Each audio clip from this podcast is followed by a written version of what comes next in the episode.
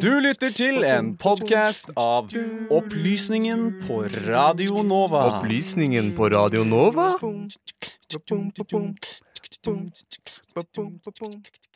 Europa har i mange år nå stått overfor en politisk endring. I dag skal Storbritannia, som tidligere nevnt, ut av Den europeiske union. Og den samme politikken Nigel Farage og Boris Johnson fremmet i 2016 i Storbritannia, den er også til stede mange andre steder i Europa. Men hva er populistenes mål? Og hvem er velgerne deres? Det skal vi få høre litt mer om i denne saken. Vår reporter Sebastian Hagel har vært ute og snakket med professor Øyvind Østerud fra Universitetet i Oslo om populisme i Europa. Jeg er professor i statsvitenskap ved Universitetet i Oslo. eh, Og eh, jobber med spørsmål omkring eh, stormaktspolitikk og nasjonal suverenitet og sånt, i hovedsak. Du jobber med populisme. Ja. Hvordan definerer du da begrepet? Ja, Det er uhyre vanskelig, fordi det brukes stort sett som et skjellsord. Eh, Veldig negativt ladet for de fleste som bruker det. Og det gjør at i sånne faglige sammenhenger, når jeg jobber faglig med det, så er det, så er det vanskelig å bruke dagligtalen. Fordi det er en sånn det er, et, eh, det er et, en, en avvisende betegnelse som sier at her er det, her er det en voldsom eh, appell til usaklige, eh, grumsete stemninger i folket som ingen har tenkt ordentlig gjennom hva innebærer, og med masse motstridende og dårlige løsninger. Mm. Det er sånn det vanligvis brukes.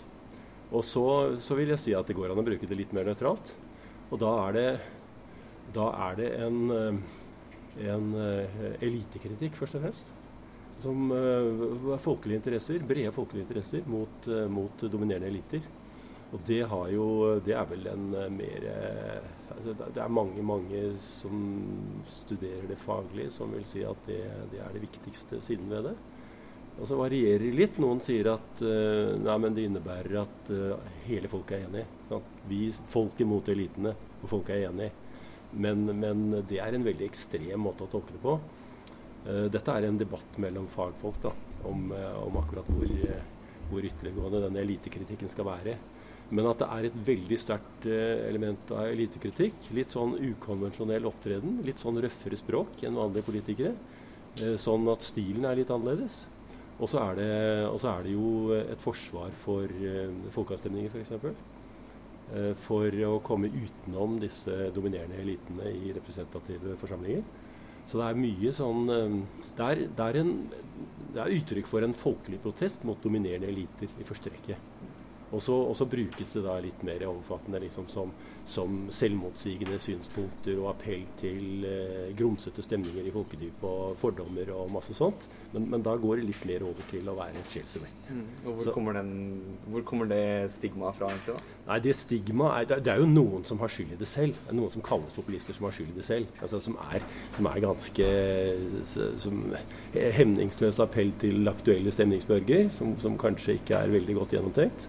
Så, så, men, men dette er veldig blandet, da. Og, og, de bevegelsene som kalles populistiske, de er veldig sammensatt. Noen er eh, tradisjonelt høyreorienterte, noen er venstreorienterte, noen lar seg ikke plassere på en sånn høyre-venstre-skala. Men noe av det som binder dem sammen, er at det er, en, det er uttrykk for en protest mot dominerende eliter og, og etablerte partier. Det er jo en fellesnevner for det.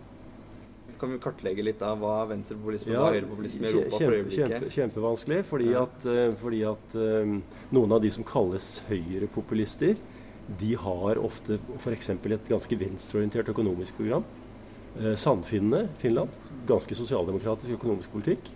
Eh, Nasjonal Front eller Nasjonal Samling i Frankrike etter at Marine Le Pen overtok etter faren. Eh, relativt sosialdemokratisk, statsvennlig, styringsvennlig politikk, mens, mens faren var mer liberalist. Eh, og, og samme gjelder Frihetspartiet i Sveits f.eks. er ganske sånn styringsorientert, statsvennlig. Mens andre er mye mer liberalistiske. Er det høyre eller venstre da? Det som, det som, er, det som er karakteristisk for høyrepartiene, for de høyre, de såkalt høyrepopulistiske partiene, det er jo at de er de innvandringskritiske. De er um, antikulturradikale. så De står for ganske tradisjonelle verdier, familieverdier, de går ikke i pride-parader, og de er veldig sånn negative til mange sånne kulturer. Sosialt uh, høyrevridde. Ja, ja, på mange måter. Sosialt og kulturelt høyrevridde. Men de behøver ikke være det i økonomisk politikk. Så dette varierer jo. Frp eh, har en sånn liberalistisk bakgrunn, selv om Frp er et moderat parti i forhold til eh, de fleste av disse såkalt høyrepopulistiske partiene. Men det, har jo, det er jo en sånn skattenekterbakgrunn. Anders Langes parti eh, for sterk nedsettelse av skatter, avgifter og offentlige inngrep, som det het. Det var jo det det opprinnelig het. Og, og, og, det er noe som går igjen i en del av disse partiene, men ikke på langt nær i alle. Så i hvilken forstand er de høyreorientert da? Når de er ganske venstreorienterte i den økonomiske politikken. Det er noe av det samme med, med Dansk Folkeparti. Ikke lett å si om de er til høyre eller venstre.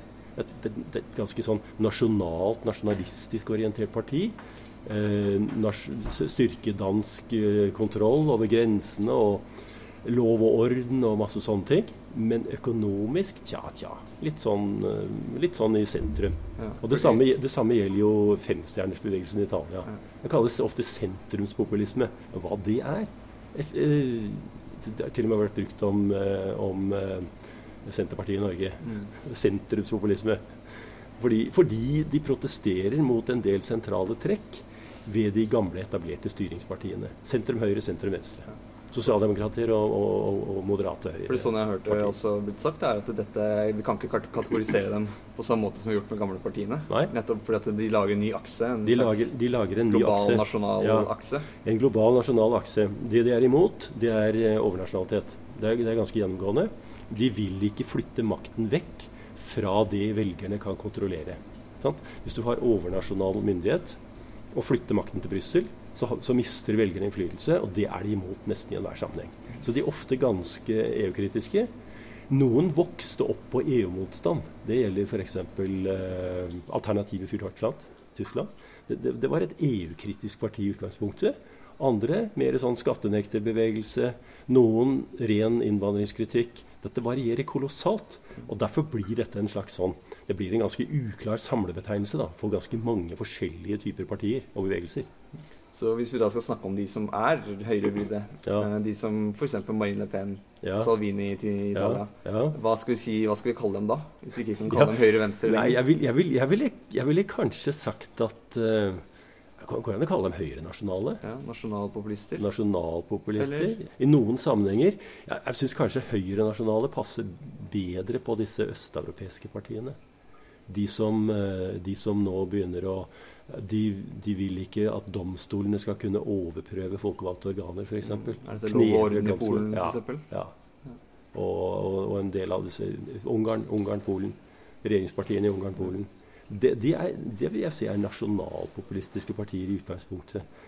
Men, men, men det er, er litt vanskelig når de kommer i maktposisjon, for da vet du ikke helt hva de gjør de har, ofte, de har, jo ofte, en tendens til å ville bite seg fast, selv om folkeviljen går i en annen retning. Så Dermed blir de ofte ganske autoritære også. Men, men dette varierer veldig, da. Ja, For en populist i makt har, blir jo noe helt annet? Det blir noe helt annet. Fordi de, de, de vokser på protesten. Mm. Og når de kommer i maktposisjon, så har de en sterk tendens til å enten tilpasse seg, sånn som Frp har gjort, eller de sprekker opp og splittes i ulike fraksjoner, sånn som Nasjonal Front gjorde for 20 år siden. Og plutselig er jo det elitefiendtlige partiet eliten. Ja, det kan, kan de man jo si. Ja, det kan de bli. Mange måter. Øst-Europa, ja. Polen, Ungarn, ja. Så, så liksom Nei, de, de, har ikke, de, har ikke, veldig godt av å komme i maktposisjon. Fordi de da ofte splittes opp eller, eller visker ut noe av profilen sin. Det er, det er protestpartier i utgangspunktet mot, eh, mot overnasjonalitet, overlatt overlate myndighet til, til, organer som ikke er kontrollert av velgerne. Uh, utflytting av arbeidsplasser, kjempeviktig for, for, mange av dem. Brexit i Storbritannia. Det var jo, det var jo tap av arbeidsplasser og usikkerhet på arbeidsmarkedet som, som gjorde at store grupper av Labour-velgere stemte brexit. Og, og, noe av det samme med oppslutningen om Marine Le Pen i Frankrike. Så, så, så det er viktig. og og, og denne kultur, kulturelle holdningen, tradisjonelle verdier, mot flerkulturalitet, mot eh, masse sånne kulturradikale programmer knyttet til kjønnskvotering, homofiles rettigheter, sånne ting, som de har mindre sans for. Mm. Da, det at vi står nå overfor et Europa med populister i nærmest alle land, ja. gjør det noe? Er det farlig? Er det noe Nei, da må vi skille veldig klart. fordi noen, noen Når du snakker om høyrepopulistiske partier, så er det noen som regner med det som kalles de høyere ekstreme. Og det er de antidemokratiske. Altså de, de voldelige. De mer sånn fascistisk, rasistisk orienterte. Åpent går til angrep på innvandrere og går til angrep på folk som ikke er enig med dem. Det er, eh, men det er gjerne noe annet. Altså. De, de, de partiene som slåss om, om, regjeringsmakt eller om en stor plass i nasjonalforsamlingen, de aksepterer jo de parlamentariske spillereglene. Men så ha, kan de ha noen ytterfløyer som er, som er mer ekstremistiske. Og, og, de, og, og, de, må også skilles fra noen bevegelser som står langt ut på, på en mer sånn fascistisk, eh, rasistisk orientert fløy, og bruker vold for å oppnå det de vil. Det jo Altså, det, det, landet i Europa som har mest høyreekstrem vold, det er Sverige. det er jo litt paradoksalt, men det er det. Er mer enn i noe annet land. Og det er, og det er, og det er, det er grupperinger utenfor Sverigedemokraterna. Selv om Sverigedemokraterna har noe av de samme røttene, så har de distansert seg fra det. Velgerne deres ligger stort sett ikke der nå. Nå er de blitt så store. Mens du har en rekke sånne ekstreme yttergrupper. Så, så det er noe litt annet enn de partiene som har gått inn i eh, parlamentariske organer og kjemper om oppslutning i valg. Det er, eh, det er viktig å skille det litt fra hverandre. Selv om, selv om de liksom, i ytterfløyene kan de, kan de flyte litt sammen. Og gjerne ha en sånn bakgrunn. Det er interessant med Nasjonal Front, eller Nasjonal Samling som det heter nå, i Frankrike. Det begynte jo med noen sånne små høyreekstreme grupperinger. Ytre høyrefløy i fransk politikk som eh, de som fortsatt sloss for et fransk Algerie og liksom masse sånne ekstreme eh, fransk-nasjonalistiske krav. Eh, og så er de etter hvert vokst seg store, og så har de tilpasset seg, og så er de blitt mye mer moderate. Og Marine Le Pen la om som jeg sa, la om den økonomiske politikken i mer sånn slags sosialdemokratisk retning da hun kom til makten. Og til og med ekskluderte til og med faren. Så, liksom, så dette er, eh, det er varierende bilde. da. Det er jo viktig å få med. Ja. Og um, mer fra Øyvind Østerud, professor univers ved Universitetet i Oslo. Det skal vi få høre straks. Men først teknologi og digitalisering gjør at det vi ikke fikk til for noen år siden, det er mulig nå. At det å stadig vekk skulle balansere mellom frihet og ufrihet Det er ikke noe særlig lurt å stole på viljestyrken, f.eks. Kirkas demokratisystem. Opplysningen hver fredag fra klokken 10 til 11. Ja, det stemmer det, og før pausen så hørte vi fra Øyvind Østerud, professor i statsvitenskap ved Universitetet i Oslo, om Europas populister. Blant annet om hvordan han definerer eh, populisme, og hvordan man skal omtale Europas populister, og de bakenforliggende faktorene bak fremveksten av disse bevegelsene. Du skal nå få høre mer fra Øyvind Østerud, professor i statsvitenskap ved Universitetet i Oslo. Vi har fått en sånn stueren gjeng nå. Ja. Eh, relativt stueren ja. gjeng i, i Europa. Ja. Eh, med Absolutt. da som trend Marine Le Pen gjerne startet, vil du si det? Eller er det, er det henne som er eh, forkjemperen her? Jeg vil tro at hun, hun, la jo om politikken da han kom i maktposisjon etter, etter faren. Det er noen som sier at noen som antyder at det er ikke sikkert det er helt alvorlig ment. Dette gjorde hun bare for mer oppslutning. Men med liksom måten hun snakker på, tyder på at hun står ganske langt fra der faren sto. Hun har rensket ut denne rasistisk orienterte retorikken. Hun har fått vekk hele denne antisemittiske sånn, innslaget som, som, faren kunne dra med seg. Og, og, og dermed gjort det mer stuerent, selv om, selv om hun er jo en trussel mot det etablerte Frankrike likevel. Og, og, retorikken, den politiske retorikken i Frankrike er jo, veldig, er jo knallhard. Så, så, selv om hun har moderert partiet, så står de liksom De, de, er, de er, en outkast i fransk politikk likevel. I motsetning til Frp f.eks. Og som, og som Sverigedemokraterna antagelig blir nå etter hvert. Nå får de så stor oppslutning at det er omtrent umulig å neglisjere dem. Og hvis de neglisjerer dem, så får de enda større oppslutning. Så det er, det er jo et skikkelig dilemma for de som er imot dem. Men da forrige tiår så gjorde jo disse høyrenasjonale, høyrepopulistiske partiene sprang mange steder. Ja. Men hva er på en måte endgame? Hva er målet deres? Ja, Nei, det er å komme i maktposisjon. Det er ikke sikkert de har fordel av å komme i maktposisjon, men det er jo, det er jo målet.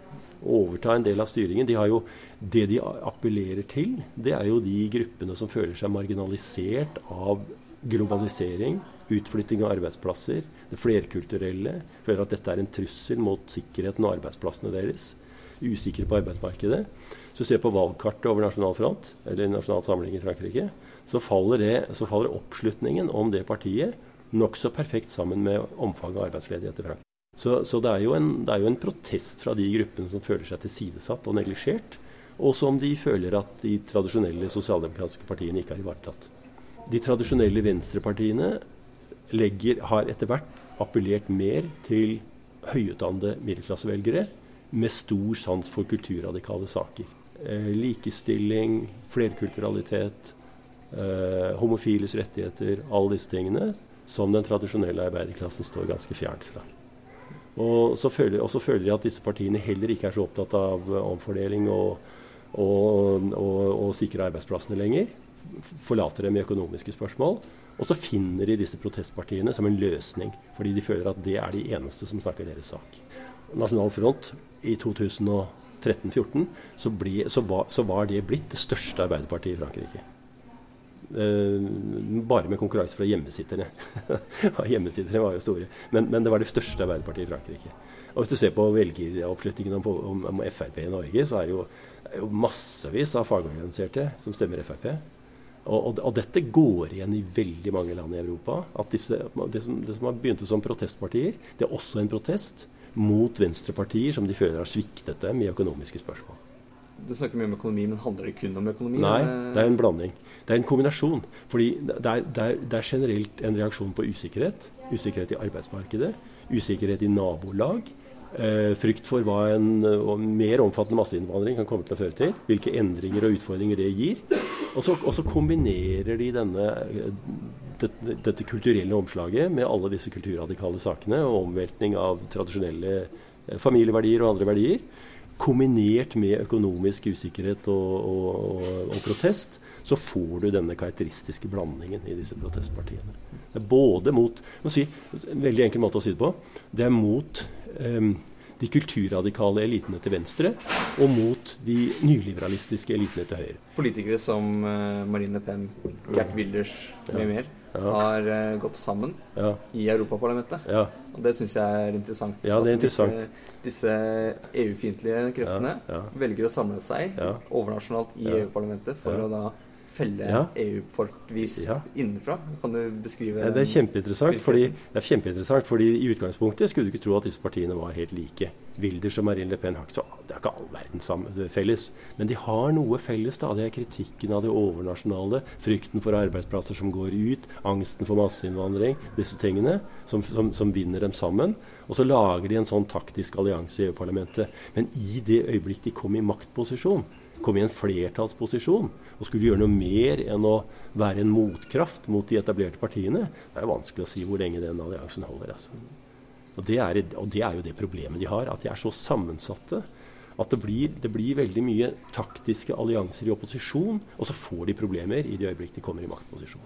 For da skal de bli enige om en felles politikk, og det er mye verre enn å protestere. Og vi snakker ofte om 2016 når vi snakker om dette, denne høyrenasjonalismen. Vi snakker ja. om brexit, vi snakker om eh, Donald Trump. Ja, um, absolutt. Jeg ville, jeg ville, tatt med finanskrisen i 2008, 2007, 2008 ja. som en viktig bakgrunn, fordi det var et økonomisk tilbakeslag som gjorde store velgergrupper ekstremt urolige, med god grunn. Og, og, da fikk de jo en sterk oppslutning. Og så kom valget i USA, som var uttrykk for noe av det samme. Det var jo alle disse Midtvesten-rustbelte-velgerne som var økonomisk usikre og følte at de ble ikke ivaretatt av de etablerte partiene. Verken, verken det tradisjonelle republikanske partiet, og i hvert fall ikke av demokratene. Hvor, hvor liksom de oppfattet jo uh, Hillary Clinton som en slags sånn talerør for finanskapitalen. Og en viss rett. en viss rett. Hun hadde holdt, holdt, svære innlegg, svære sånn lukkede innlegg for uh, Goldman Sachs og store finanshus til skyhøy lønn og holdt det skjult. Det er nokså klart dokumentert. Og så satser de liksom på en som taler dette midt imot. Enten de får de de vil ha eller ikke, det er en annen sak. Antagelig ikke. Men, men, men, men der går an sånn, Ut fra velgeroppslutningen så går det an å skjønne at dette var ekstremt misfornøyde velgergrupper med, med, med, med, stor grunn, som følte at nå rakner den økonomiske situasjonen. Nå må de ha flere jobber for å holde situasjonen hjula gående. De blir deklassert og synker økonomisk og ser dette som en svær trussel. Og det slo ikke minst ut i disse gamle industriområdene hvor industrien var lagt andre steder. Til lavkostland ute. Det gjaldt jo rustbeltet i USA, og det gjaldt disse utkantområdene i Storbritannia bak brexit. Så, så 2016 med brexit og Trump, det er jo, det er jo, viktig, det er jo et viktig år. Mm. Du trekker en direkte linje fra 2008 til 2016?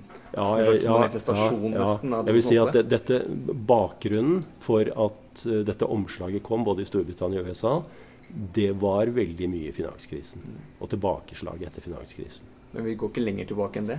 Er det noe ja, jo, altså, da, Men da blir gruppene mindre, da. Hvis ja. du liksom skal snakke om så massiv velgeroppslutning at de kunne vinne noe bortimot et flertall. Mm. Det var ikke fullt flertall i hele befolkningen i USA, men, men med den valgordningen de har, så, så vant de opp presidentvalget.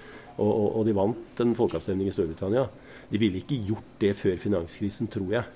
Det ville vært mindre grupperinger, mye av det samme raseriet i disse områdene, men det ville ikke hatt så stor oppslutning. Og i den sammenheng så snakker du om i 'Populisme tar over Europa', artikkelen du har skrevet, ja. eh, om at dersom Marine Le Pen og Emmanuel Macron ja. hadde sitt valg i et annet land enn en annen ja. valgordning, så hadde det kanskje gått annerledes. Ja, men den amerikanske, Det var, det var The Economist som lagde denne utregningen. De sa at med en amerikansk valgordning, hvor du hadde, du hadde delstatene eller, eller distriktene som, valg, som valgkretser, sendte valgmenn derfra som ville bety at Paris uh, spilte mindre rolle relativt enn en nå. Så ville Marine Le Pen ha vunnet presidentvalget i 2017. Hun hadde vunnet uh, Ja, det, det, det, sånn som de beregnet dette, ut fra regiongrensen og, og, og, den amerikanske valgordningen, så ville hun sannsynligvis ha vunnet presidentvalget. Fordi hun, hadde mye, fordi hun hadde mye mer støtte i distriktene. Ja. Hun hadde vel 33% oppslutning mot 66? Eh, hun hadde mye mindre oppslutning i annen valgomgang. Men det skyldtes jo det som i Frankrike kalles den republikanske pakten. Og den republikanske pakten den går ut på at alle de andre partiene de allierer seg med hvem som helst av hverandre, bare de kan holde nasjonalfront ute. Så det betydde at mange av Mélenchons velgere, eh, France Insoumise, opprørske Frankrike, ytre venstre, de stemte på Macron i annen valgomgang for å unngå Marine Le Pen. Takk til Øyvind Østerud, professor i statsvitenskap ved Universitetet i Oslo. Du har nå hørt en podkast fra Opplysningen 99,3. Finn denne og tidligere episoder på Spotify, iTunes eller der du måtte finne dine podcaster ellers.